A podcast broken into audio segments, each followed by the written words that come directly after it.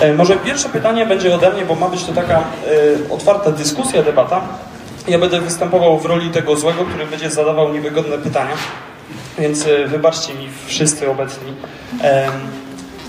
Pytanie ma polegać na tym, jaki jest tak naprawdę sens tworzenia hmm, rankingów najlepszych budynków, elementów architektury na, na najlepszej przestrzeni. Co nam daje w ogóle stworzenie takiej listy? Co nam daje w ogóle stworzenie e, takiej monografii, która przedstawia ko konkretne budynki i, i wartościuje je? Może zaczniemy od pani profesor, czy tam jak to woli? Dziękuję za pytanie. Myślę, że tutaj musimy troszeczkę sobie uporządkować pewne pojęcia. Y, y, Złota dziesiątka i ranking y, nie jest celem samym sobie, tylko jest pewnym zewnętrznym przejawem projektu, który tak naprawdę trwa już 5 lat i monografia tu nie jest właściwym określeniem. Jest to pewnego rodzaju narzędzie, którym chcemy popularyzować wiedzę, którą gromadzimy, którą archiwizujemy, którą badamy. y, I to jest tylko jedno z przejawów tej działalności, jeden z przejawów tej działalności. Autorem jest y, tego pomysłu jest pani Iga, która na pewno nam tutaj opowie. I my nawet nie aspirujemy w tym rankingu do jakiejkolwiek naukowości. To jest naprawdę zabawa. Y, I taka będzie nasza odpowiedź. Natomiast jeśli jest Pan zainteresowany, bo pytanie było podchwytliwe, ja rozumiem, nie trudne, tylko podchwytliwe, więc ja tutaj się nie dam złapać. Jeżeli by był Pan zainteresowany, czy Państwo y, historią projektu, to myślę, że nie starczyłoby nam czasu dzisiaj na tym spotkaniu, żeby o nim opowiedzieć, bo trwa 5 lat.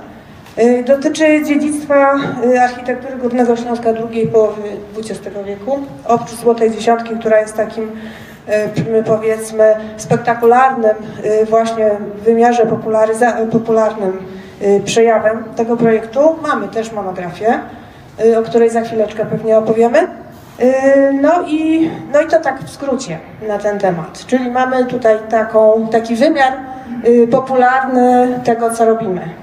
Y, Ale oczywiście ta popularyzacja jest w dobrym znaczeniu tego słowa, czyli możemy dzięki temu się czymś zainteresować. To jest taki atraktor, mówiąc współczesnym językiem. Chcemy kogoś zafascynować, żeby on później poprzez y, poszczególne kroki przechodził dalej i poznawał to, czym się zajmujemy. To może dokładnie poznajmy ten pierwszy krok, jak to się rozpoczęło. Proszę Państwa, to jest bliżej, lepiej? Jeśli chodzi o samą złotą dziesiątkę, no to czasem powody są bardzo banalne. E, Mianowicie bywałam dosyć często w sytuacjach, gdzie odwiedzali mnie goście tam z różnych krajów i za każdym razem jeździłam z nimi albo do Pszczyny, albo do Auschwitz, albo gdzieś tam. I, w pewnym momencie sobie uświadomiłam, że tak na gorąco to ja nie za bardzo wiem, co im w tych, w tych Katowicach pokazać. I, I wtedy żeśmy siedli właśnie razem z całym zespołem bo zaproponowałam, żeby się zastanowić, jakie obiekty tej architektury powojennej są, początkowo myśleliśmy na Śląsku, yy, warte pokazania komuś za granicę. I tak siedząc, tam się pojawiały, a to tam do muzyki tańca w Zabrzu, a to Tychy, a to tam Świętochowice, a tu Gliwice. I wtedy żeśmy sobie uświadomili, że tych budynków jest dosyć sporo i trzeba to jakoś poukładać.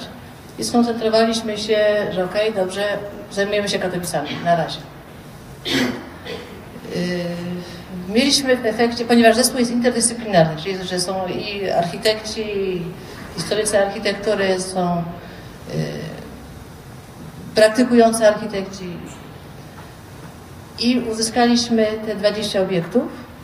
Później tylko była kwestia stworzenia ankiety, no i żeśmy to. Początkowo to było, miało być adresowane jedynie do grupy no, studentów architektury no, środowiskowej.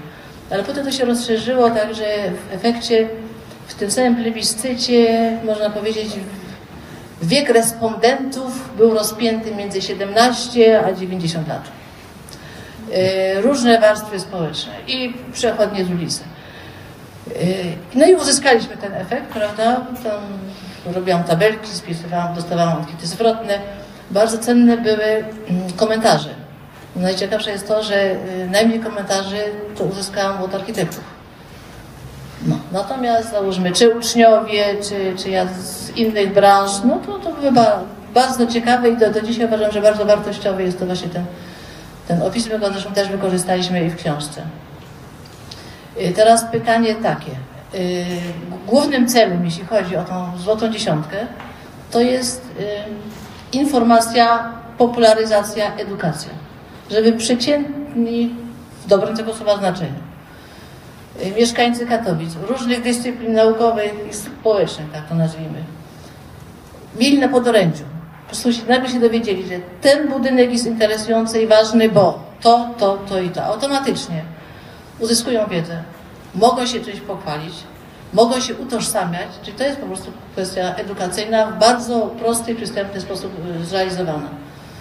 I co więcej, teraz mamy taki zamysł, żeby to, ten cykl rozszerzyć i chcemy to otworzyć, że to będzie y, złota, aha, złota dziesiątka architektury miast Górnego Śląska.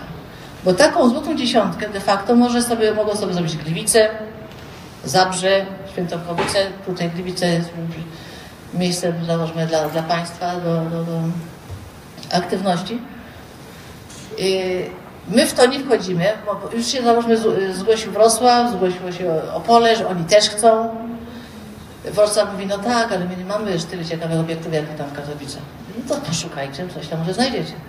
W każdym razie, jeśli ktoś y, sam coś y, stworzy, policzy, podliczy wyniki, automatycznie się z tym bardziej utożsamia. Czyli y, każde miasto może mieć tę swoją, te interesujące obiekty tego okresu powojennego, a my, zakładając nogę na nogę, niewiele robiąc, uzyskamy złotą, dziesią- ten, y, złotą dziesiątkę architektury miast Górnego Śląska XX wieku. I wydaje mi się, że ten okres w tym momencie mamy załatwiony. A teraz tutaj, tak jak pani y, Żmudzińska mówiła, tylko powiem króciutko, jeśli chodzi o ten sam projekt. No to też tak na Państwa informacje. Można go tak porównać do takiego taboretu o trzech nogach, żeby to tak plastycznie było. Więc y, mamy de facto trzy cele. Jeden cel tej naszej działalności, która tak jak właśnie mówiliśmy o tym trwa 5 lat, to jest y, działalność archiwizacyjno mm, dokumentacyjna. Musiała być digitalizacyjna też. Czyli generalnie tak, y, chcielibyśmy utworzyć tam w tej Bibliotece Śląskiej archiwum architektów, nie architektury, architektów, czyli regał Buszko, regał Franta, regał Gottfried, Jarecki itd., itd. Bo te materiały bardzo łatwo ulegają rozproszeniu, już bardzo wiele z nich nie istnieje, prawda? Także my staramy się, żeby się już to się dzieje, tak. My już to archi- archiwum mamy, także mamy y, ciekawe materiały, nawet takie, że byście, byście się Państwo zdziwili. Czyli to jest ta działalność archiwizacyjna, prawda? I de facto dla Was y, materiał do Waszych prac, badań i tak. Druga noga tego taboretu to jest działalność naukowo-badawcza, którą tutaj właśnie Państwo mm, prezentuje, czyli mm, zamierzamy wydać serię monograficzną pod tytułem Dziedzictwo architektury Górnego Śląska drugiej połowy XX wieku. I ten pierwszy tom, który Państwo ma w ręce, w kolorze zielonym, pod tytułem Reflektory, to jest takie intro, czyli to jest pierwszy tom, a później, ale to już potem Magda powie więcej na ten temat. Czyli chcielibyśmy rzeczywiście wypuścić tą serię monograficzną, już tak cirka no, 10-12 tomów mamy opracowane już z autorami, no żeby ten okres po 1945 roku do końca XX wieku no nam nie przepadł, żebyśmy go mieli zanotowany. I trzecia noga tego naszego taboretu to jest właśnie działalność edukacyjno-popularyzatorska, czyli tutaj wchodzi ten cykl Twórcy Śląskiej Architektury Portrety, który już realizujemy, czyli już był benefis pana Buszko, pana Franty, Gottfrieda, teraz pracujemy nad Jolantem Jareckim. Do tego należy ten cykl właśnie Złota Dziesiątka Architektury, jest, no, tych Katowic, prawda, XX wieku. Yy, raz, no mamy taką tri, triadę architektoniczną, czyli cykl trzech wykładów. Jeden wykład profesorski, drugi wykład studencki, trzeci wykład gościnny. Czyli po prostu zapraszamy kogoś z zewnątrz. No to tak w skrócie. Dziękuję. w potężnym skrócie. E, Projekt jest multidyscyplinarny i to wybrzmiało na początku. E, W tym gronie mamy także studenta, mamy przedstawicieli naukowych Politechniki Ślą- Śląskiej, tutaj jest e, Biblioteka Śląska, mamy także panią Dominikę, prawda?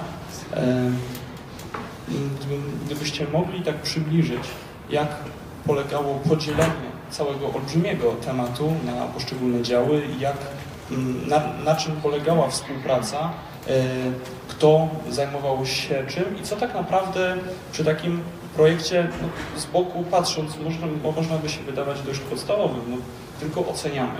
Osoba laik mo, mo, mogłaby to w taki sposób ocenić, co tak naprawdę sprawiło najwięcej trudności, co było e, tym wyzwaniem, z którym trzeba było się zmierzyć. Może tak po kolei osobiście.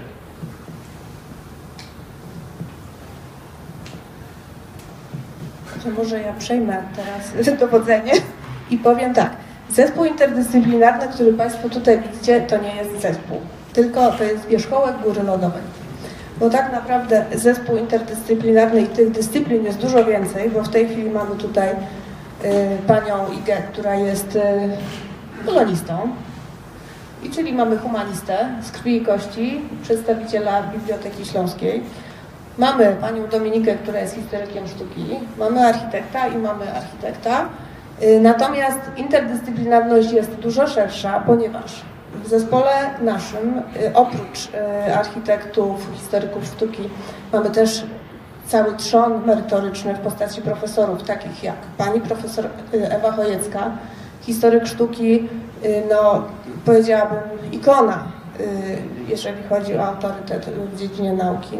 Mamy pana profesora Ryszarda Kaczmarka, który jest historykiem. Mamy pana Bogusława Tracza, który jest historykiem i również antropologiem kultury w pewnym stopniu, bo taki tutaj też włożył wkład w naszą, naszą y, publikację. Mamy socjologów, także ta interdyscyplinarność jest szeroka, a ona jest szeroka z pewnego konkretnego powodu, a mianowicie dlatego, że chcieliśmy y, spojrzeć na to dziedzictwo nie tylko z punktu widzenia naszej profesji, która jest jednak dość wąskozakresowa, a często nam się wydaje, że wiemy wszystko, to tak nie jest. Architektura zawsze jest na końcu tego y, pokarmowego łańcucha i ona jest pewnym wynikiem y, procesu, a nie przyczyną. I musimy na to tak popatrzeć. Dlatego chcieliśmy w naszych reflektorach jako cyklu monograficznym, a także szczególnie w pierwszym tomie, który jest interdyscyplinarnym spojrzeniem na dziedzictwo, popatrzeć na kontekst, w jakim ta architektura się rodziła.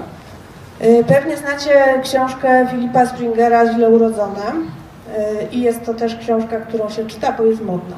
Ale trzeba ją czytać ze zrozumieniem. To znaczy zrozumieć, że on chciał nam powiedzieć, że Źle urodzona to znaczy urodzona w złych czasach. Wartościowa, ale zapomniana dlatego, że kojarzy się źle, kojarzy się z polityką, kojarzy się z byle jakim wykonawstwem, kojarzy się z, z tak zwanym słusznie minionym okresem. My chcemy pokazać ten kontekst troszkę inaczej. Chcemy pokazać, że kontekst i czasy były trudne, ale chcemy absolutnie odpolitycznić wartości przestrzenne i wartości architektoniczne, ponieważ w naszym pojęciu one się bronią. One się bronią znakomicie i tutaj trzeba na to popatrzeć w ten sposób. Dlatego pokazaliśmy Górny Śląsk, bo to jest e, dziedzictwo Górnego Śląska, a Górny Śląsk sam w sobie już jest problemem i mieliśmy od początku projektu, bo tutaj teraz znowu nawiążę do Pana pytania, jak się współpracowało. Współpracowało się z jednej strony fantastycznie, a z drugiej strony było to piekielnie trudne, bo każdy, każda dyscyplina ma swoją perspektywę i każdy patrzy na rzeczy inaczej. Y, i nie mogliśmy nawet przez długi czas, a tak jak mówię, 5 lat y, pracujemy wspólnie, nie mogliśmy dojść do pewnego ładu y, z samą, samą limitacją granic Śląska. Bo mówiąc o Górnym Śląsku, mamy na myśli województwo śląskie współczesne, ale po 1945 roku to województwo kilkakrotnie zmieniało swój kształt. Zostało tutaj włączone Zagłębie, zostały włączone tereny, które przed wojną były niemieckie, które przed wojną były właśnie Zagłębiem, które były y, autonomią śląską i zrobił się z tego wielki konglomerat, który nagle my postrzegamy współcześnie, będąc y, w waszym wieku, jako coś oczywistego, a to wcale nie jest oczywiste. Im bardziej się człowiek nad tym zastanawia, tym więcej widzi problemów. I tak było z każdą dyscypliną. Także ta, ta współpraca była dla nas niezwykle interesująca i niezwykle była owocna i bardzo dużo nauczyliśmy się od siebie wzajemnie. I efektem tej y, nauki jest ten tom, który właśnie ma pokazać czytelnikowi współczesnemu, nie tylko w waszym wieku, ale też i w naszym, bo myślę, że każdy się z tego jakąś lekcję wyciąga. Y, Jak ten kontekst wygląda? I mamy tutaj rozdział dotyczący historii, mamy rozdział dotyczący właśnie dnia codziennego, to się nazywa właśnie taka perspektywa dnia codziennego, taka antropologia codzienności, y, od rzeczy poważnych do rzeczy takich jak kartki na buty, y, o których nie macie pojęcia, czy kolejki za mlekiem w proszku. Y, To, są, to też była codzienność i na to się też składa na obraz świata i na obraz życia i właśnie na ten kontekst. Y, Mamy perspektywę historii sztuki, mamy perspektywę architektury i urbanistyki i dopiero po przeczytaniu całości możemy zacząć się zastanawiać. I myślę, że im więcej się wie, tym bardziej się na ten temat myśli. I wtedy dopiero zobaczycie, że ta perspektywa złotej dziesiątki, ona rzeczywiście gdzieś tam sobie dryfuje jako taki drobny dodatek, taka wisienka, ona też tutaj jest, ale nie traktujmy jej jako rzecz, która jest wyjściowa. Ona jest właśnie tak, jak tutaj powiedziała Pani Iga, czymś, co nas zachęci do tego, żeby zejść troszkę dalej. Przepraszam, że tak przynudzam, ale już zostawiam Pana. O, Dominika teraz nam opowie. A to to współpracy. E, No tak, jeśli chodzi o książkę, to niestety przyszła, można powiedzieć, e, na gotowe. Zobaczyłam już całkowitą realizację. No to mogę właśnie zwrócić uwagę na to, jak na to patrzy właśnie osoba, która po prostu przeczytała to na gotowe, nie, będąc w tym całym, e, e, w tej całej właśnie burzy mózgów, jak to było tworzone i, i, i ile osób przy tym musiało e, po prostu przesiadywać. Powiem tak, przeczytałam książkę, reflektory, przeczytałam Źle urodzony też Springera i, i myślę, że to jest taki fajny, mm, taka, taka fajna para e, po prostu książek, jak patrzeć na tą architekturę, właśnie w jakim. E, właśnie u Springera to nie jest aż tak dobrze pokazane, jak tutaj właśnie ta codzienność, ta historia, e, właśnie ta zawiła, zawiła historia i geografia.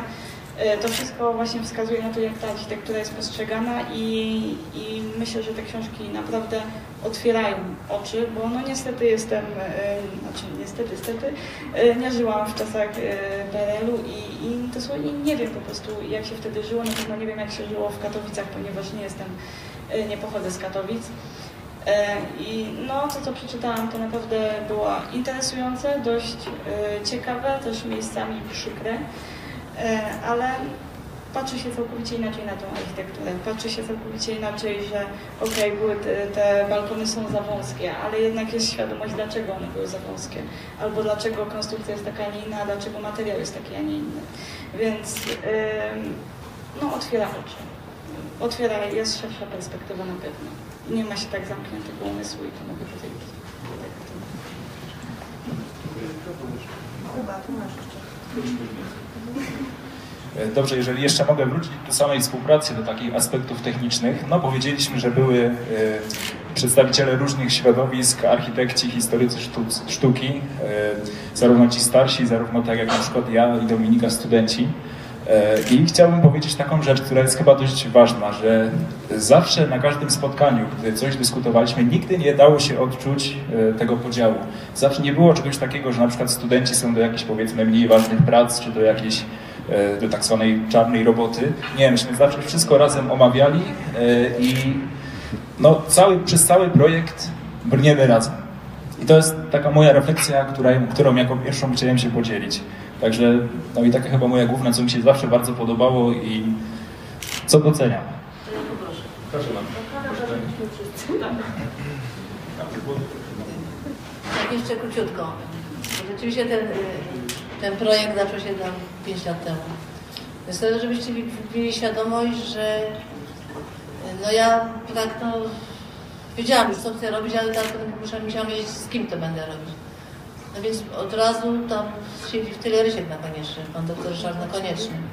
Więc Ryszard był jedną z pierwszych osób, która się w ogóle pojawiła i od razu spontanicznie wszedł w temat i to jest dla mnie no bardzo, bardzo ważna postać przez cały ten okres współpracy. I muszę powiedzieć, że na zespół Wydziału Architektury Politechniki Śląskiej zawsze mogę liczyć.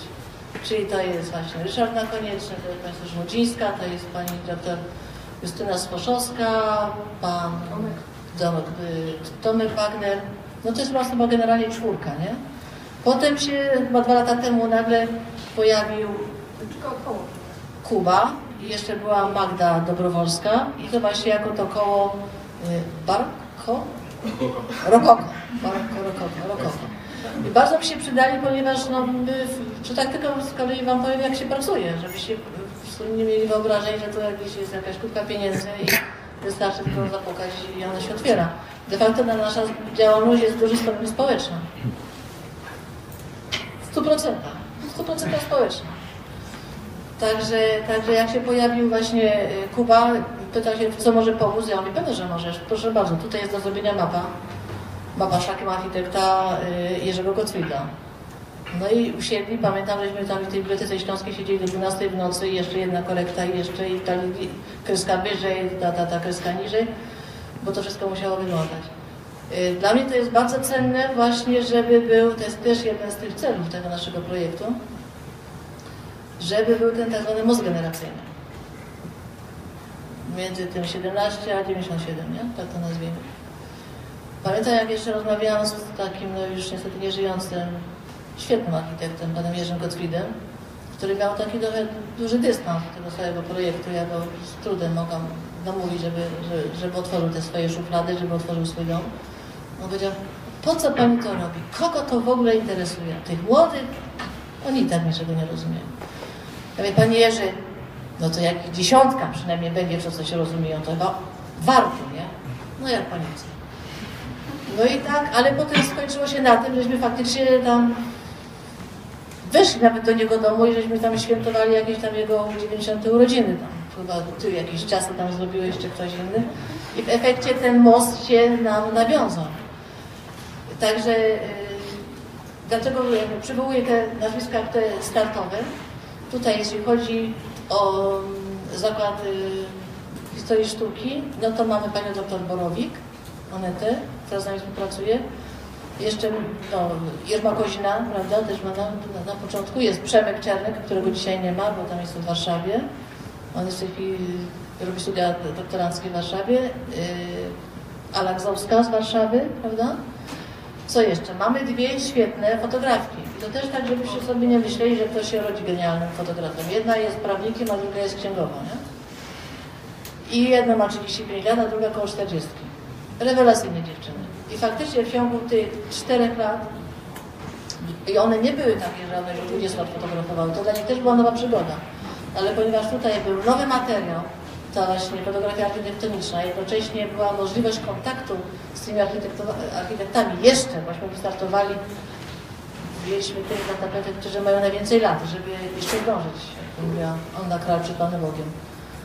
I, I w efekcie te kontakty nasze to jest z jednej strony one robią tą dokumentację aktualną, prawda?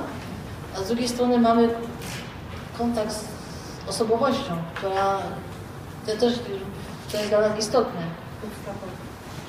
Że też chyba ktoś we Wrocławiu nam to powiedział, że chyba w tym naszym projekcie, być może właśnie dzięki temu, że, że jest on tak tworzony w tej Bibliotece Śląskiej, która nie jest konkurentem, prawda? Nie jest tutaj, tylko jest partnerem, bo stąd ta też interdyscyplinarność, więc wydaje nam się, że w tej historii architektury to oprócz obiektów bardzo ważne są postaci, ich życiorysy, sposób myślenia, wartości, które ci ludzie sobą reprezentowali, przynieśli. Bo jakby są to ludzie urodzeni w odległych czasach, odległych miejscach, bo to jest ten, ten desant kolejny architektów na, na. Także to też wydaje mi się jest cenne. Pytanie, które mnie teraz uderza, e, czy po otwarciu tych szuflad e, architekta, tutaj w przypadku pana Gottfrieda, e, czy coś zaskoczyło, coś najbardziej zw- zwróciło uwagę, bądź nie wiem, jest warte odnotowania teraz? Co, co w ogóle w takich archiwach, nazwijmy to, może się kryć? I czy coś uderzyło no, no właśnie ciekawością, czymś, co jest, y, co było przez wiele lat zakryte, e, a z drugiej strony bardzo interesujące. Czy było coś takiego da- dającego efekt wow? u Pani? Czy Ja myślę, że może... To może Kuba? Tak. Drugi mikrofon idzie. Znaczy, miałem przyjemność dość dobrze poznać pana e, Gottfrieda, ale wracając do pytania. Pierwsza rzecz, która mnie tak przykuła, to nie to, co się znajduje w szufladach, lecz właściciel tych szuflad. Jego osobowość, jego niesamowity charakter, jakim to był skromny człowiek, e, pełen wiedzy, który się wcale nigdy nią nie obnosił, a jednocześnie zdolny do bardzo mądrych przemyśleń e, i też w jaki sposób potrafił się nimi dzielić. Ja uwielbiałem przysiadywać w towarzystwie pana e, Jerzego. Mm, Prowadziliśmy różne rozmowy, nie tylko na temat architektury, ale i po prostu życia, czy jakichś wydarzeń bieżących. I powiem, że taka, nazwę to lekcja, chyba się już nigdy nie powtórzy. I każdego razu, gdy wychodziłem z tamtego domu, czułem się bogatszy. Nie tylko o wiedzę, ale i po prostu bogatszy jako człowiek. Więc nie wiem, czy coś można dodać, ale No, pytałem się o, o, o architekturę, powiedziałeś o wiele więcej e, z jednej strony, ale może byśmy wrócili do tej architektury, czy coś z tych rzeczy. Jasne. Ja może nie tylko jeśli o, chodzi o Gottfrieda, ale może o Juranda Jareckiego. E, No nie chcę też za dużo mówić, bo dopiero będzie benefis, ale e, przeg- przeglądałam materiały e, fotograficzne, jego szkice i projekty. No i szczerze powiedziawszy, to jak znam architekturę w Katowicach, która już istnieje, która jest w stanie takim, jakim jest, jest zasłonięta tym, czym jest, no to jeśli chodzi o, o jego wizję, to jest to był niesamowity wizjoner. E, projekty Centrum Katowic, rozbudowy dworca, e, pawilony, e, domus, który teraz wygląda całkowicie inaczej niż wyglądał kiedyś i no, niestety teraz możemy to tylko zobaczyć na starych zdjęciach. Pierwotne projekty Biblioteki Śląskiej, to jest projekty wnętrz, więc to, to jest niesamowita, niesamowite wizjonerstwo architekta, po prostu projekt wnętrz i tak dalej. Zgubiłam słowo. E, No jest e, no, na wielu polach e, świetnie mu wychodziło pro- projektowanie wnętrz, architektury, więc no niestety tylko na projektach to można zobaczyć, ale chociaż, chociaż te projekty mamy i tą dokumentację i miejmy nadzieję, że, że będziemy je dalej badać i będziemy kontynuować.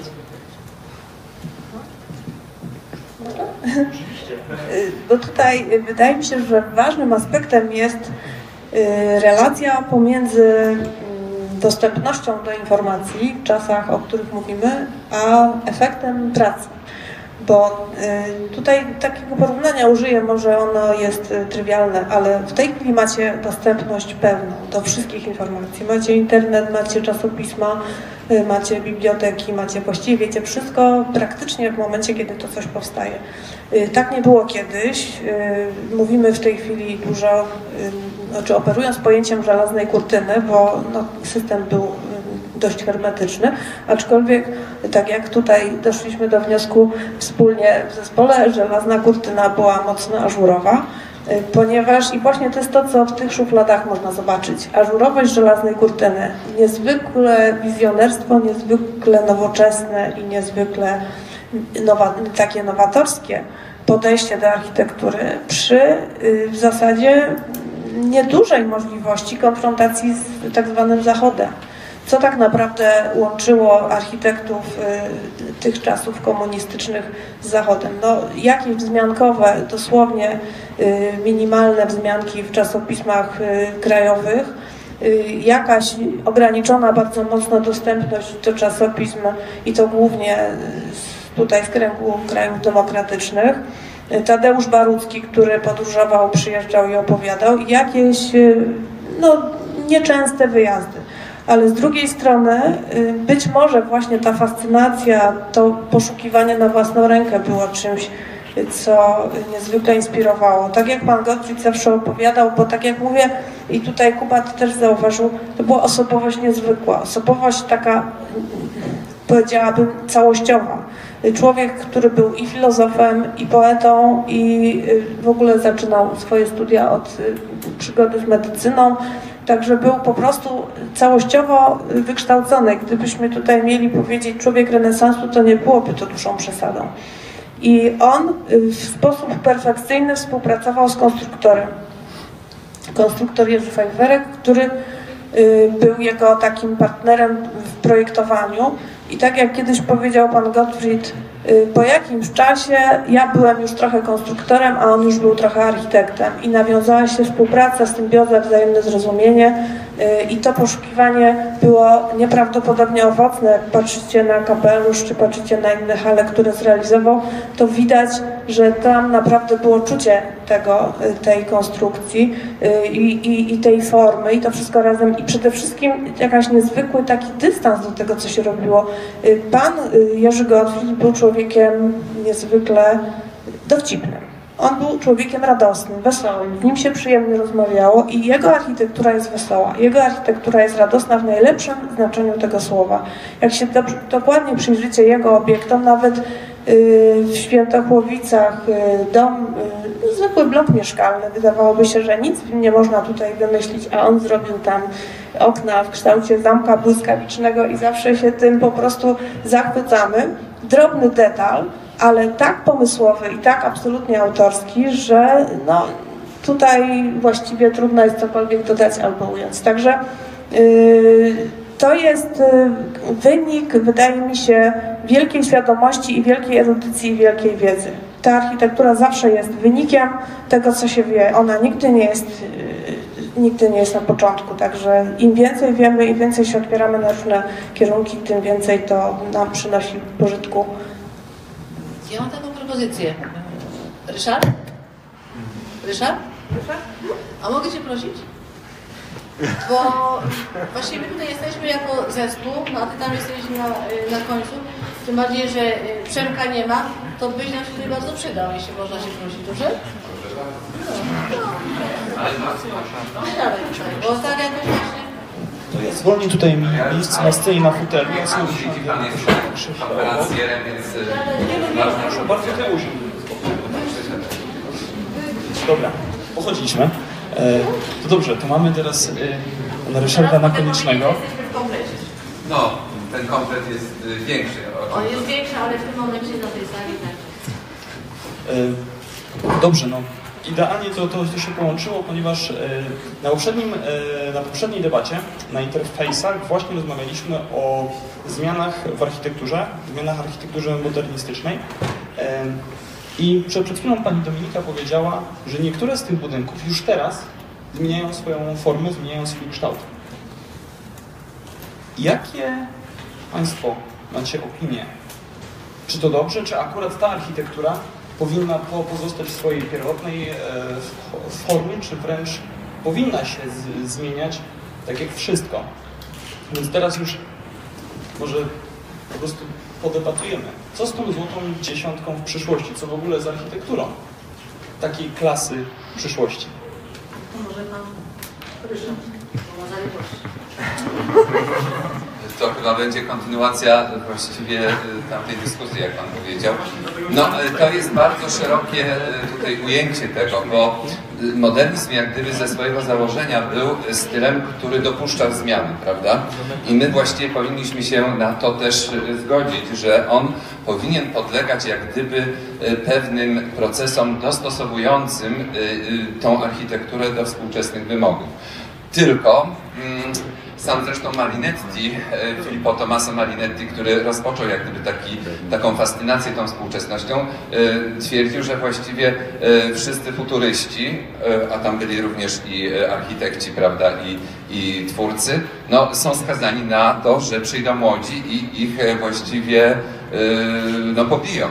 Także ta architektura modernistyczna też no ona rozwiązywała pewien problem w danym momencie, więc powinniśmy o tym y, pamiętać, że y, powinna też być modernizowana. Ale z drugiej strony to jest też wynik pewnej kultury, która w świecie y, i ewolucji, która nastąpiła i my musimy wyważyć, prawda, y, na ile możemy sobie pozwolić na jakieś takie y, no, mocne y, tutaj zmiany, ponieważ chodzi nam też o architekturę jako świadectwo pewnego okresu historycznego, pewnych no, też y, jakichś y, uwarunkowań, które pozwoliły na takie, a nie inne rozwiązanie. Więc wydaje mi się, że należy to robić y, oczywiście z rozwagą. No i też bardzo bolałem nad tym, że obiekt Jerzego Gottfrieda wzmiankowanego tutaj, czyli budynek DOKP, no, ze względu na to, że on oferował może bardzo ciekawą przestrzeń tutaj multifunkcjonalną, właściwie łatwą do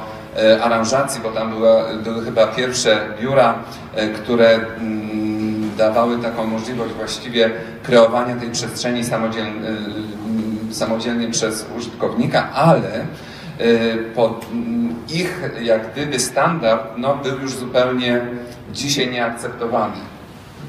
Chociaż były bardzo ciekawe rozwiązania klatki schodowej, którą też jeszcze udało mi się zobaczyć i no, ciekawe też technologiczne rozwiązania tutaj pewnej takiej maszynerii, która miała myć te elewacje, prawda, i tak dalej, no to jednak tutaj został wyburzony. I to, chociaż wydaje się, że on był bardzo zgrabnie tam wpasowany w tą, tą strukturę, więc no jest to trudny problem, modernizowanie tej architektury powojennej, bo ona, tak jak tutaj pani profesor wspomniała, no, powstawała w konkretnych warunkach na konkretne tutaj zlecenia. I wtedy nasze oczekiwania wobec tej przestrzeni też były zupełnie inne. I normalne jest to, że, że ona czasami dzisiaj nie spełnia pewnych wymogów pożarowych czy jakichś innych jeszcze, prawda, tego komfortu naszego współczesnego.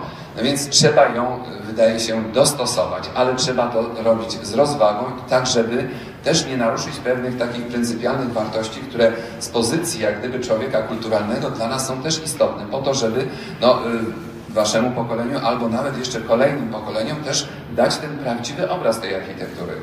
Także no, jest to trudne. Inne uwagi? Przepraszam, zasłuchałam się i się zawiesiłam, ale... Rozumiem w pełni. Y, powiem tak. Oczywiście, że się całkowicie z tym zgadzam. Natomiast y, wydaje mi się, że jeszcze jest jeden ważny aspekt.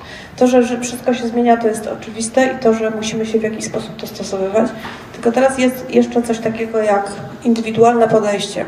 To znaczy, każda rzecz wymaga indywidualnego podejścia. Nie możemy mówić architektura i traktować odpowiedzi en bloc, że architektura w związku z tym yy, mamy już gotową odpowiedź. Nie. Każdy obiekt jest inny, każdy ma inną funkcję, inne przeznaczenia, inny kontekst, yy, inne materiały, inna, inna jest jego rola, yy, inna jest jego wartość, więc zawsze się przeprowadza proces tak zwanej waloryzacji, nadaje się y, odpowiednie kryteria oceny i dopiero później po dokonaniu tej oceny możemy podjąć jakąś decyzję.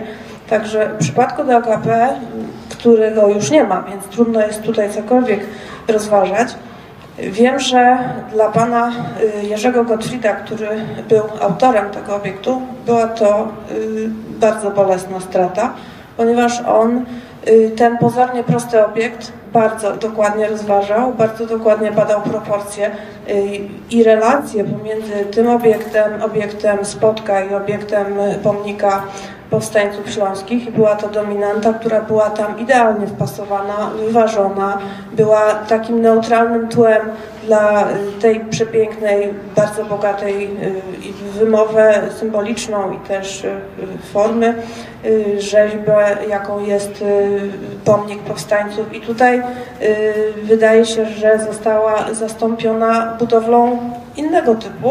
Tutaj pan Jerzy no, miał swoje zdanie na ten temat, nie, no, nie jestem absolutnie upoważniona, żeby przytaczać, ale yy, to nie był obiekt przypadkowy. No i spotkał go los, jaki go spotkał. Natomiast nie można, yy, nie ma odpowiedzi jednej tak powiem, po prostu w każdym przypadku trzeba dokonywać pewnych decyzji, zważywszy na te właśnie absolutnie niezbywalne wartości, które muszą zostać zachowane, ponieważ one są świadectwem czasu. I jeżeli te świadectwa zostaną zniszczone, no w zasadzie tak jakby tego czasu nie było. Ja jeszcze chciałem tutaj dodać, że Jerzy Gottfried sam właściwie podejmował proces modyfikacji swoich obiektów, bo jeżeli Państwo znają Halę Kapelusz, to ona właściwie, no, co prawda był, była tego przyczyna, prawda, bo ona uległa spaleniu, ale zdecydował się też na no, dosyć drastyczną zmianę tego pierwotnego projektu i ten dzisiejszy obraz to jest zupełnie inny, prawda? Tam się zmieniły formy okien, tam się y, zostały dodane pewne elementy po, od frontu i od tyłu właśnie przy wejściu i właściwie ta forma się całkowicie zmieniła, więc on oczywiście chyba wydaje się też dopuszczał Tylko, że tutaj nie mieliśmy takiej drastycznej sytuacji jak z DOKP, gdzie całkowicie jak gdyby wyburzono obiekt, który notabene oprócz tych walorów, które tutaj pani profesor oko- określa, to on też miał dużo y, też ciekawych takich rozwiązań. Nie wiem, czy Państwo pamiętają, ale y, na tych ścianach y, takich y, mm, bocznych był, była taka bardzo ciekawa forma reliefu delikatnego, który o pewnych porach y, tylko bardzo wcześnie rano był świetną taką siatkę właśnie ym, wycinków eliptycznych, y, y, takiej elipsy rozciętej i przesuniętej tworzył. Były tam też y, te atria, bo przecież to były dwa budynki wysokie takie, które były ze sobą, można powiedzieć, zlepione i przesunięte, prawda?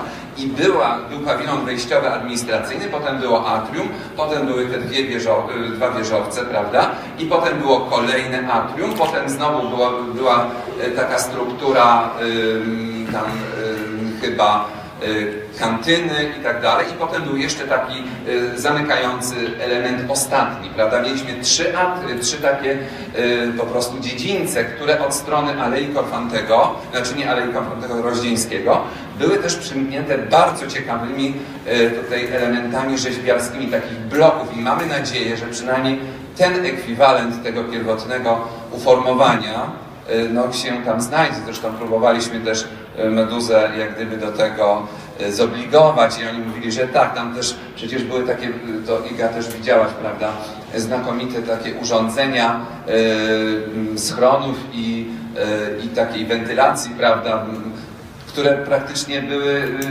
no, nieużywane nigdy, prawda, na szczęście, ale to też no, y, takie technologiczne rozwiązanie, które okazuje się, że działało, bo żeśmy próbowali to uruchomić, y, no i, i wydawało się, że, że praktycznie jest to nieruszone i może zadziałać. Także mamy nadzieję, że to tam wróci, chociaż sam projekt zupełnie jest inny i, i od, jak gdyby akcentuje zupełnie coś innego i, i troszeczkę siebie też właściwie, ale to nie czas, żeby o tym mówić. Ja myślę, była taka, była taka sytuacja jeszcze, kiedy wiadomo było, że do KP zniknie i powstaną jakieś, powstanie jakiś nowy obiekt. Wiadomo było, że robi to Meduza Group i doszło, to już w tej chwili mogę o tym mówić, do takiego spotkania tajnego, że, że Przemo Łukasik i Łukasz Zagała i Przemo Łukasik, gdy no, no, chcieli się spotkać z panem Jerzy Gotwinem. No, żeby pokazać ten swój projekt. Chyba na takich planszach. No, to pan Jerzy na początku, że nie, bo go to nie interesuje. No ale jakoś tak. Step by step, no w końcu żeśmy się umówili w Bibliotece Śląskiej, czyli na terenie neutralnym, B4. Tylko jeszcze była Iwonka, właśnie ta nasza fotografka, żeby to udokumentować ten moment. No więc oni tam przyszli wcześniej, już przynieśli te, te, te plansze, oczywiście tajemnica absolutna. No, no i panie Jerzy, co pan sądzi? No pan, pan Jerzy tak patrzy, patrzy, no tak. No i tam zaczęli dywagować, a czemu takie wysokie, a czemu takie przesunięte?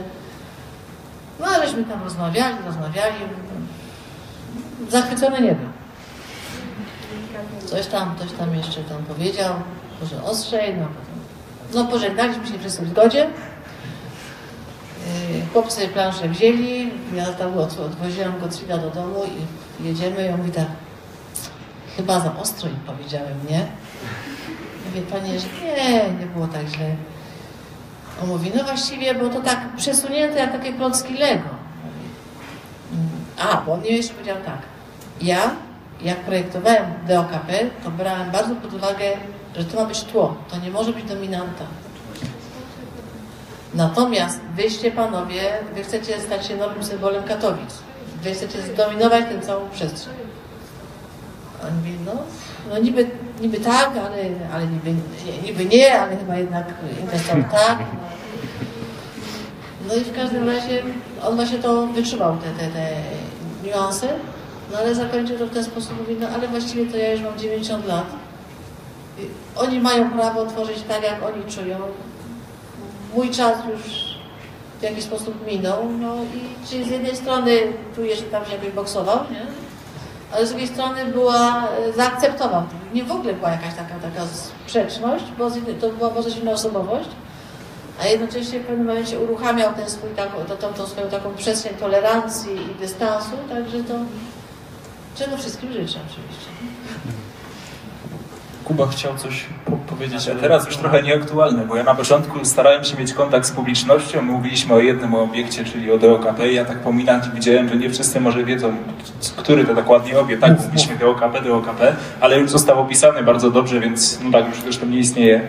To ten chodzi przy rynku, zaraz przy spotku. I co też pan Jerzy zawsze podkreślał, ja pamiętam, to było dla mnie duże przeżycie. Zrobiłem 12 kółek swoim samochodem z panem Jerzy wokół ronda, gdy jeszcze żyli DOKP, żeby tak sobie trochę porozmawiać na ten temat.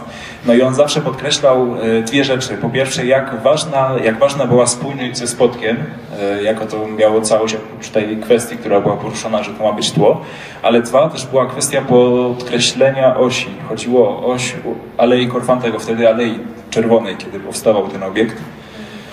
E, tak, Armii Czerwonej. E, No a teraz y, kolejny projekt, jego następca, ten, który jest w czasie realizacji, on w pewnym sensie odwraca to, przynajmniej można mieć takie wrażenie, on odwraca teraz bardziej honorując oś ulicy Chorzowskiej. Także to też jest taki element, na który warto zwrócić może w kontekście całego miasta, patrząc całościowo. No i tyle chciałem, mówię, trochę się nieaktualna zrobiła moja wypowiedź, ale jeżeli ktoś ma jakieś pytania, właśnie to może dobrze, żeby pytał w trakcie, jak ktoś nie wie o jakimś obiekcie. Dokładnie, Albo- to jest, to jest, to jest rozmowa, to nie tylko, że wysłuchacie, ale byście powinni chyba też, znaczy ja nie wiem, bo ja się nie chcę wtrącać, ale Dokładnie tak. Ale ja myślę, że. Meduza trafiła doskonale chyba w oczekiwania inwestora, prawda? Ponieważ no, pojawiła się ta strefa kultury wtedy, kiedy Jerzy Gottfried, myślę, że gdyby on miał inne uwarunkowania, y, to myślę, że ten projekt był, też byłby inny. E, Oczywiście Gottfried się tutaj bardzo kulturalnie zachował w stosunku właśnie do tego, e, w czym przyszło mu mm, e, budować, no ale tutaj uwarunkowania się zmieniły. I Meduza, no, no nie wiem jak my byśmy się, ja, ja w sumie troszeczkę, no nie wiem jak bym się zachował, naprawdę. to jest piekielnie Chciałbym to, e, z- za, na pewno bym chciał zatrzymać ten obiekt, bo uważam, że miał e, potencjał, no ale inwestor zdecydował, że nie będzie łączył dwóch kondygnacji chyba razem, żeby, żeby bardziej komfortową e, przestrzeń zaprojektować, bo tak samo jest e, przecież z tym obiektem Ingardenów, e, jeśli chodzi o Hotel Forum w Krakowie, prawda, że to jest wspaniały obiekt brutalistyczny, taki mm, schodkowo ustawione kapsuły mieszkalne, prawda, czy tam elementy tych jednostek mieszkalnych, ale tam jest bodajże taka chyba korbuzjerowska wysokość dwóch, chyba 60 czy tam czy 30 centymetrów wysokości. No właśnie, bardzo niewiele. A dzisiaj, proszę Państwa, no klimatyzacja i wszystkie inne e, wymogi, no dyskwalifikują ten hotel po prostu i dlatego on stoi odłogiem pusty i właściwie jest tak samo zagrożony, jak był zagrożony DOKP. Także tutaj jest wielki problem właśnie z tym wszystkim, co z tym zrobić, bo na, wydaje mi się, że dałoby się pozostawić Gottfrieda DOKP. No ale chyba tam były bar, no, inne oczekiwania inwestora. Inwestor chciał po prostu pokazać się w panoramie Katowic. Y, Pojawiła się strefa kultury, więc Meduza no, odwróciła to właśnie, czy już nie, nie podkreślała tylko Alei Korfantego, tylko podkreślała tą strefę kultury. No i, no i rzeczywiście to jest obiekt, który jest taki obszerniejszy, masywniejszy, prawda? Y, Gottfried był bardzo delikatny, to były dwie cienkie y, takie listewki właściwie od strony Alei Korfantego. No, no zrobił to znakomicie, no i ale modernizm ma być jak gdyby, czy, czy architektura współczesna ma odpowiadać y, współczesnym wymogom, no więc Państwo się będą musieli chyba też z tym zmierzyć w swojej karierze zawodowej i, i czasami te, te no, decyzje chyba będą bardzo trudne i niejednoznaczne. A może porozmawiajmy teraz, albo skupmy uwagę na budynku, który istnieje i jego modernizacja jest e, planowana. Mówię tutaj o jednym ze złotej dziesiątki, mówię tutaj o planetarium. Może pytanie do wszystkich obecnych e, na sali. Kto kojarzy ten budynek? Kto kojarzy Planetarium Śląskie? Ręka w górę. To bardzo dobrze, gratulujemy. E, Kto kojarzy, kto, kto kojarzy konkurs SARP-u, z tego co pamiętam w ubiegłym roku organizowanym na, e, na modernizację? Nikt nie kojarzy, niektóre osoby kojarzą.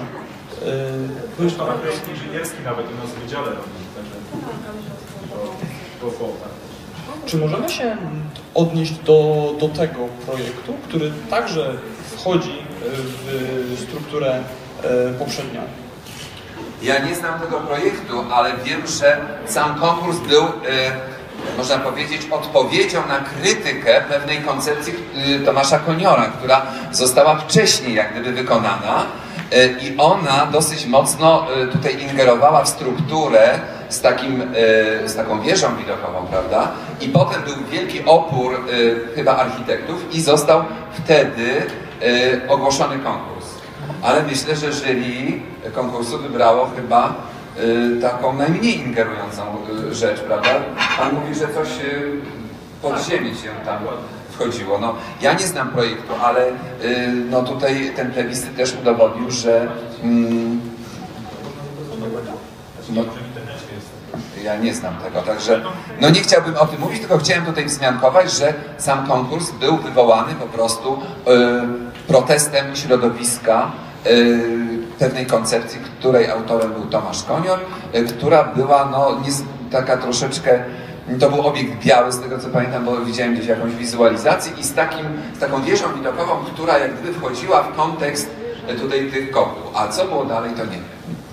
Znaczy, jeżeli mogę, y, nie chcę tutaj wchodzić w, genezę projektu i konkursu, bo, y, ale faktycznie y, pierwszym projektem był y, niezrealizowany, odrzucony i niezaakceptowany projekt pana Koniora i później został ogłoszony y, przez SARP drugi konkurs, znaczy konkurs y, na rozbudowę planetarium. Wieża była w programie niezależnie od tego, czy nam się to podoba, czy nie, bo ona, ona była w programie i konkursowym też. I, ale natomiast praca, która wygrała, trudno mi jest ją w pamięci opisać, przytoczyć, ale była rzeczywiście raczej y, zlokalizowana w taki nieingerujący sposób w podziemiach. Główna kubatura. Ale to wieża chyba nie. Ale wieża nie no, raczej. Właśnie to jest ciekawe, jak ta nowa wieża wygląda. Bo tamta była bardzo pamiętam. biała, taka Tego właśnie kontrastowa. Ja mam pytanie do e, grupy te technicznej od nas Interfaces. Jesteśmy w stanie pokazać na rzutniku e, to planetarium i te projekty? Czy nam rozmowa nie, nie podryfuje w kierunku krytyki Dobrze, okej. konkursu. Nie będziemy w tym e, kierunku dryfować w takim e, wypadku, Em, ale to był prowadzony plebiscyt i e, respondenci, których była potężna grupa w różnym e, wieku, odpowiadali e, na e, pytania, o, oceniali we, według swojej opinii, według własnych doświadczeń. Czy były jakieś opinie, których się Państwo nie spodziewali, które były na tyle za- zaskakujące, że utkwiły w pamięci bardziej niż inne? Myślę. Dużo te, tego było. Y, Co mogę powiedzieć tak na gorąco? Jeśli chodzi o sam spodek, to on uzyskał maksymalną ilość punktów. W każdej ankiecie to była pozycja numer jeden. Czyli nie było sytuacji, w której gdzieś byłby na pozycji numer trzy. Albo dwa. Zawsze było to numer jeden. Czyli, no, to jest też istotne. Y, Były sytuacje takie, że na przykład y, miałam informację, że uważam, że to powinna być ta dwunastka. Natomiast były sytuacje, że ktoś tam znalazł tylko pięć interesujących, uznał, że jest tylko pięć interesujących y, pozycji, które jego zdaniem należałoby uz- znaczy, zaakcentować. Czyli taki rozrzut również był. Ja generalnie potem ja liczyłam, ile określony obiekt uzyskał punktów. Śmieszne były takie, śmieszne, przyjemne bardzo. Takie na przykład komentarze, o to akurat dotyczyło Hali Kapelusz. Kocham Halę Kapelusz. Bo tam y, tak często spotykaliśmy się jako grupa i, i spędziliśmy wiele miłych chwil. Czyli w tym momencie, i to, a, bo ja też tam prosiłam, żeby te komentarze były obojętne jakie, czy merytoryczne, czy emocjonalne, obojętne, bo no, sami wiecie, no budynek funkcjonuje w waszej pamięci, jest elementem waszego życia, nie? Jak po latach przy, przyjeżdżacie przykładowo do tego samego miejsca, no to chodzicie po swoich uliczkach, wie, a to, tu robiłem to, tu robiłem tamto, wchodzi w nas, więc to również było widać e, w tym plebiscycie. Yy, Mogę jeszcze powiedzieć tyle, że te różnice między obiektami były niejednokrotnie minimalne. Była to kwestia tam dwóch, sześciu punktów. Czyli to nie była jakaś taka, taka duża przestrzeń, że no, mogę nawet powiedzieć, że niektóre obiekty miały pecha, jak na przykład skarbek. Nie? No, Zenit wszedł do tej dziesiątki, a skarbek był na pozycji 11. Wcale nie znaczy, że był gorszy, po prostu no, miał pecha. Albo na przykład, że niektóre obiekty były mimo mniej znane, jak na przykład y, cały zespół szkół artystycznych Buszko Franty na osiedlu tysiąclecia. No trzeba powiedzieć, że w plebiscycie nie było w ogóle architektury jednorodzinnej. Także ten plebiscyt jak gdyby plasuje nam obiekty publiczne na pierwszym miejscu, a w ogóle nie ma obiektów jednorodzinnych, które są równie ciekawe. Ale to z wiadomych względów, że one są nieznane, więc trudno było robić plebiscyt obiektów, które po prostu nie funkcjonują w zbiorowej jakiejś tam pamięci, prawda, nie wiemy, to by trzeba było wtedy robić wykłady, prawda, i tak dalej. I dlatego one się nie znalazły ale one są, bo tutaj dom Jerzego Gottfrieda przywoływanego mógłby zająć tutaj ważne miejsce w osobnej puli, prawda? Osobnej puli, ale jeśli może, to też tak. Jak robiliśmy ten pierwszy tom, te reflektory, w ogóle skąd nazwa reflektory? No właśnie chodziło o to, to początkowo była nazwa robocza. Jak nazwać ten tom? Uznaliśmy, że no reflektory, ponieważ tych czterech punktów oświetlają nam Śląsk po 45 roku, prawda? Czyli z punktu y, historycznego, jak się zmieniały, zmieniły granice, co się z punktu widzenia antropolo- antropologicznego, wymiana ludności, problemy takie, śmaki, do historii, architektury i tak dalej. Największy problem mieliśmy właśnie z tą całą antropologią, z tą całą antropologią. Bo to się okazało, to było trudne do uchwycenia. Nam chodziło o to, żeby to nie była analiza stricte e, naukowa, tylko żeby to była pewnego rodzaju panorama, żeby młodym ludziom albo ludziom spoza Śląska, gdzieś tam z Mazur, w krótkich słowach naświetlić, czym jest ten Śląsk. Nie dla każdego niezrozumiałe. I w pewnym momencie, właśnie później rozmawiałam z tym ko- kolejnym, trzecim panem, który podchodził do tego tematu, ja mówię, no niech pan popatrzy. Wystarczy popatrzeć na złotą dziesiątkę architektury Katowic i de facto te obiekty mówią nam o tamtych czasach. Hala widowiskowo-sportowa, czyli był w pewnym momencie trend na budowę obiektów dużych, publicznych, sportowo-widowiskowych. Mamy e, Pałac Młodzieży. To jest z kolei, załóżmy, epoka, gdzie w tych już w latach 50. zaczęły powstawać e, domy kultury. No bo to przecież był wtedy boom generation, prawda? Baby boom. No, klasy było, w szkole podstawowej było 5 klas, a w każdej 45 dzieci. To znam to z autopsji.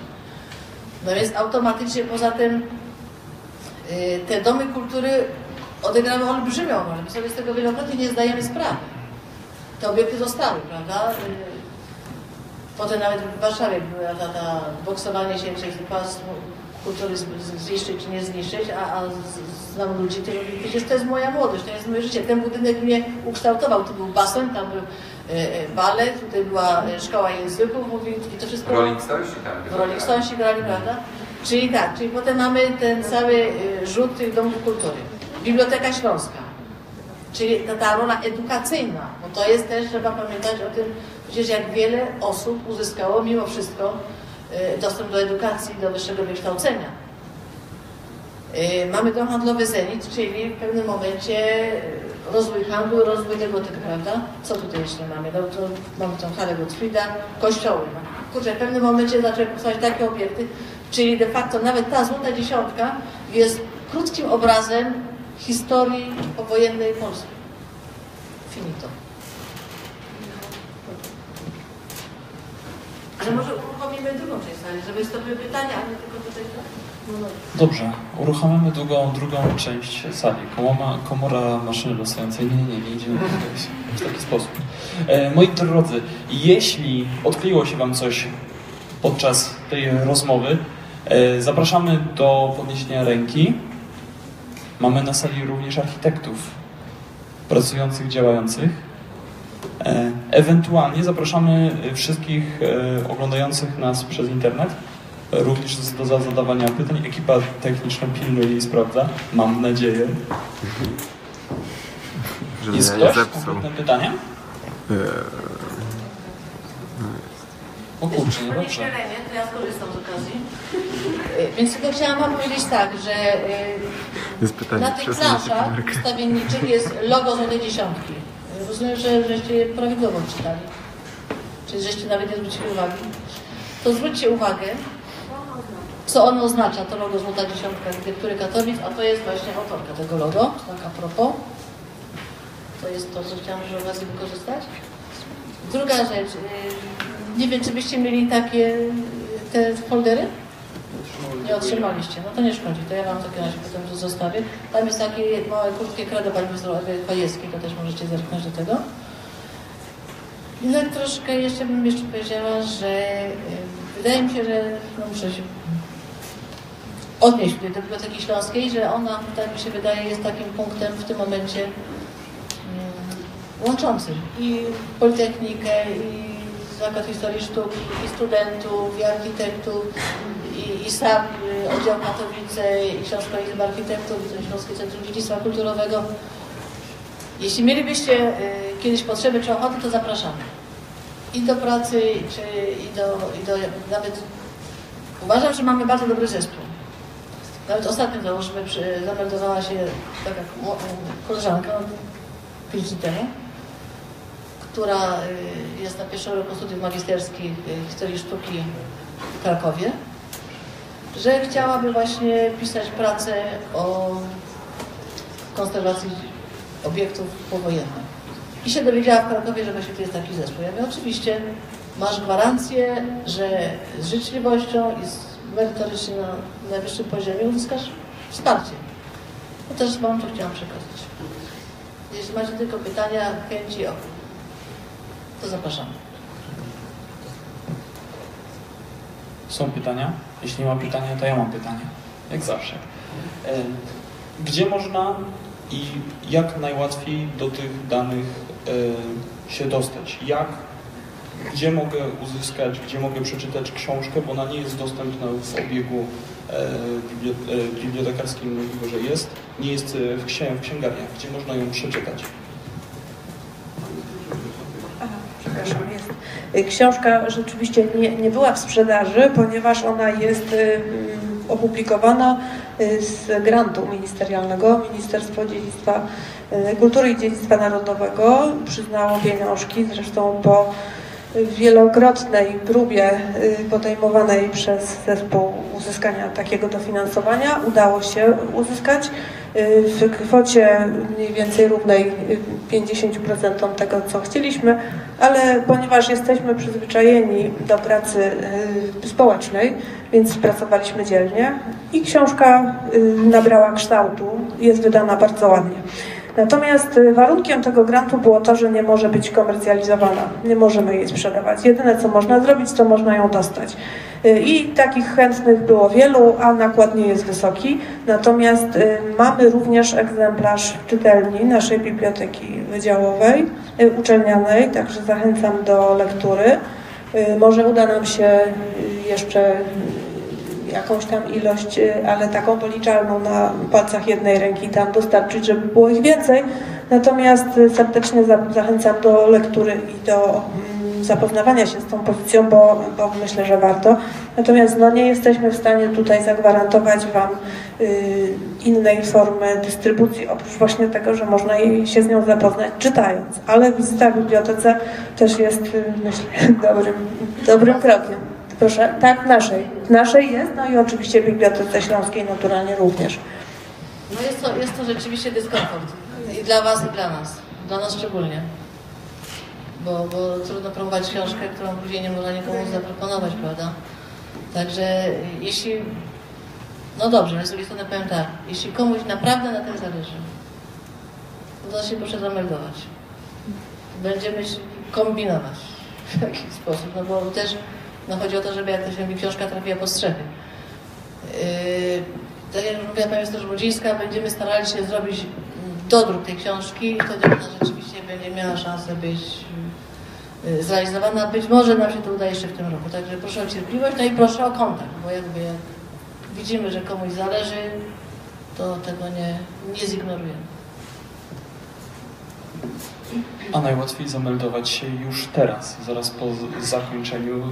Nie znikamy w, wszyscy, można jeszcze porozmawiać w kulorach albo pod tymi łukami tutaj. E, Jeszcze tutaj. Tak, jeszcze tutaj y, takim tytułem do powiedzenia, bo ta książka, tak jak tutaj już wielokrotnie zostało powiedziane, jest pierwszym tom serii Reflektory. Y, Następne już się piszą, to znaczy jeden już jest prawie gotowy, będzie dotyczył pana Jerzego Gottfrieda. Y, Monograficzny tom dotyczący jego sylwetki, postaci i również twórczości głównie, analizy twórczości. Y, Następne są w działaniu, czyli tom dotyczący planów architektów y, Henryka Buszko i Aleksandra Franty i kolejne powstają, także będzie ich docelowo kilkanaście. Y, Myślimy także o takich tomach zbiorczych dotyczących pewnych zagadnień typologicznych, przykład mieszkalnictwo czy przemysł, takich, których już nie da się wyabstrahować w postaci konkretnego nazwiska, bo były tworzone w zespołach, w dużych biurach projektowych bo to zjawisko też jest bardzo istotne i takie też w zasadzie nieznane współcześnie, co to było duże, wielkie biuro projektowe, które się specjalizowało w jakimś zagadnieniu, takim jak na przykład projektowanie przemysłowe. To, to były no, olbrzymie y, biura, które projektowały nie tylko w regionie, nie w całej Polsce, ale też bardzo dużo robiły eksportowych, zagranicznych realizacji Y, i wydaje się, że to też są rzeczy, o których warto powiedzieć. I chcemy też uruchomić jeden tom, który będzie dotyczył architektury, która nigdy nie powstała, czyli projektów. I wydaje się, że on może być również interesujący i też już mamy obłożenie, że tak powiem, autorskie. Natomiast co oczywiście nie oznacza, że hasło wszystkie ręce na pokład nie jest aktualne. Jeżeli ktoś z Was, ktoś z Państwa chciałby się włączyć do projektu, ale z pełną odpowiedzialnością, że pracujemy ciężko i cały czas, to zapraszamy. No i właśnie do tego zapraszamy. E, W ten sposób będziemy koło kończyni lądowali z dzisiejszym spotkaniem.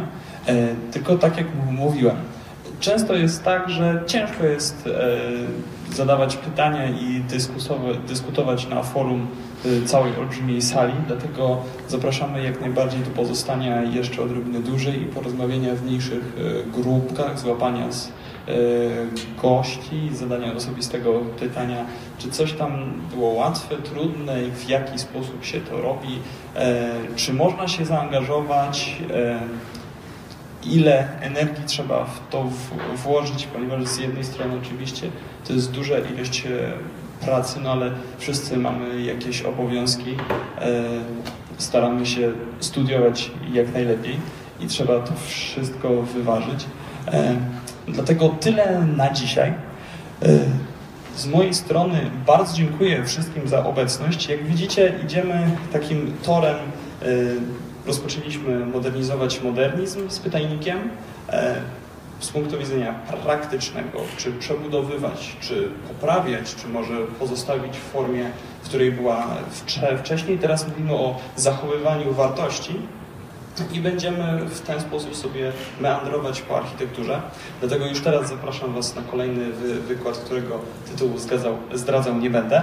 E, I wydaje mi się, że wszystkim zaproszonym e, gościom i wszystkim zaangażowanym e, w projekt należą się gorące e, owacje.